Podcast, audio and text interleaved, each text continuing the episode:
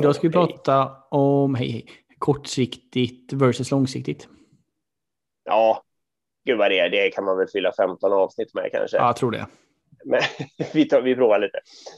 Um, ja, men jag tänker på saker då uh, som att, ja men typiskt kan det vara förstås om man ska tänka konsulter eller inte. Uh, det är fiff, om man har svårt att rekrytera människor, det är fiffigt, för det är lätt att få in dem snabbt. Eh, men långsiktigt är det inte smart för att det är omaket sen att växla ut dem mot anställda någon gång när man sen tror att man vill det alldeles för stort, liksom. eller mycket, mycket större än vinsten. Eh, man kan prata om sånt här, ska man refakturera, det här är lite IT då, men ska man liksom göra om ett, eh, eh alltså eh, ett, ett icke så underhållningsbart dataprogram, eh, att i längden kunna leva med det. Eh, och det blir väldigt ofta svaret att nej, nej, vi behöver ha massa funktionalitet just nu, så vi satsar allting på det. Mm. Eh, men det kan även vara, tycker jag, såna här skitsaker liksom som att även ganska på ett sätt okej okay chefer. Eh, de kan liksom vara rädda för att ta en konflikt eller så här. De tycker att någon inte riktigt presterar. Så lägger de eh, en del lön och sånt där ändå bara för att det ska vara trevlig stämning och sånt där.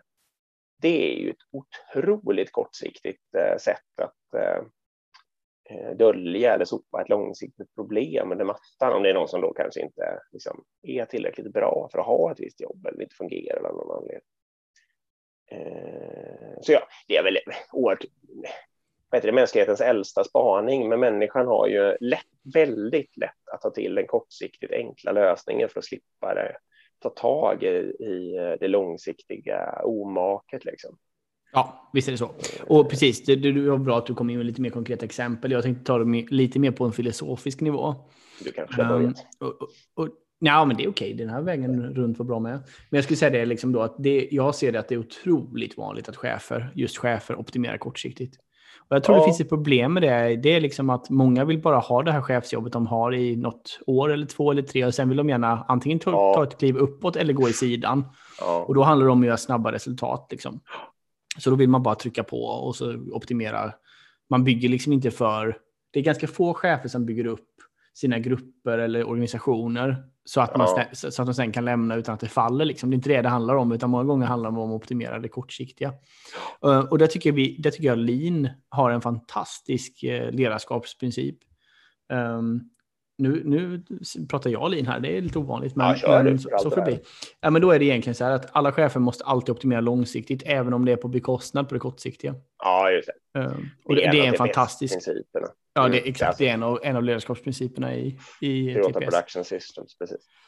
Och jag tycker det är helt fantastiskt. Uh, och det är det chefen borde följas upp på. Ja. Egentligen mycket, mycket mer. Vad är det ni har gjort som, som ja. har gett långsiktigt resultat? Och vad har ni gjort för att inte optimera, suboptimera här kortsiktigt? Ja. Det borde man både mäta och prata om mycket, mycket mer när man tittar på ledare. Mm. Ja, det är sant. Nej, det är sant. Det är jättemånga som tar den enkla vägen. Ja, precis. Och nu när du säger kortsiktigt, då menar ju du nu även, nu är du lite hård så här, alltså då menar du ett år och sånt där också. Ja. Liksom. Och till och med två år kanske. Precis. Eh, och du har ju helt rätt, för den Toyota-principen säger ju att man ska optimera mot det som alltså riktigt långsiktigt är bäst.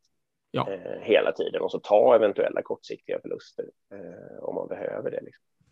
Nej, om, man ser på om man ser på konsultbiten då egentligen så är det helt alltså, fel och omotiverat att ta in en konsult på grund av att man inte lyckas rekrytera vanlig personal. Um, för det, det, det, då optimerar man kortsiktigt och det kommer kosta långsiktigt. Det är mycket, mycket bättre att bygga då och försöka nyanställa och sen bygga team kring det.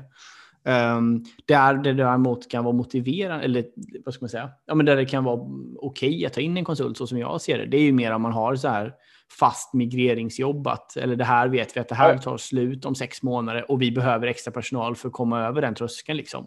Ja, okej, okay, då kan vi förstärka upp Olika under ett kortare. Ja. Coacher och sånt där tycker jag kan vara okej okay också, för då vet man att man vill ha hjälp under en period, men att man inte vill fastna i det långsiktigt. Liksom. Nej, exakt. Så det, det blir ett exempel på liksom, um, ja, men på där man tänker kortsiktigt versus långsiktigt. Ja. Ja. Okej, okay. det var dagens spaning. Det var det. det Vi hörs imorgon. Hej.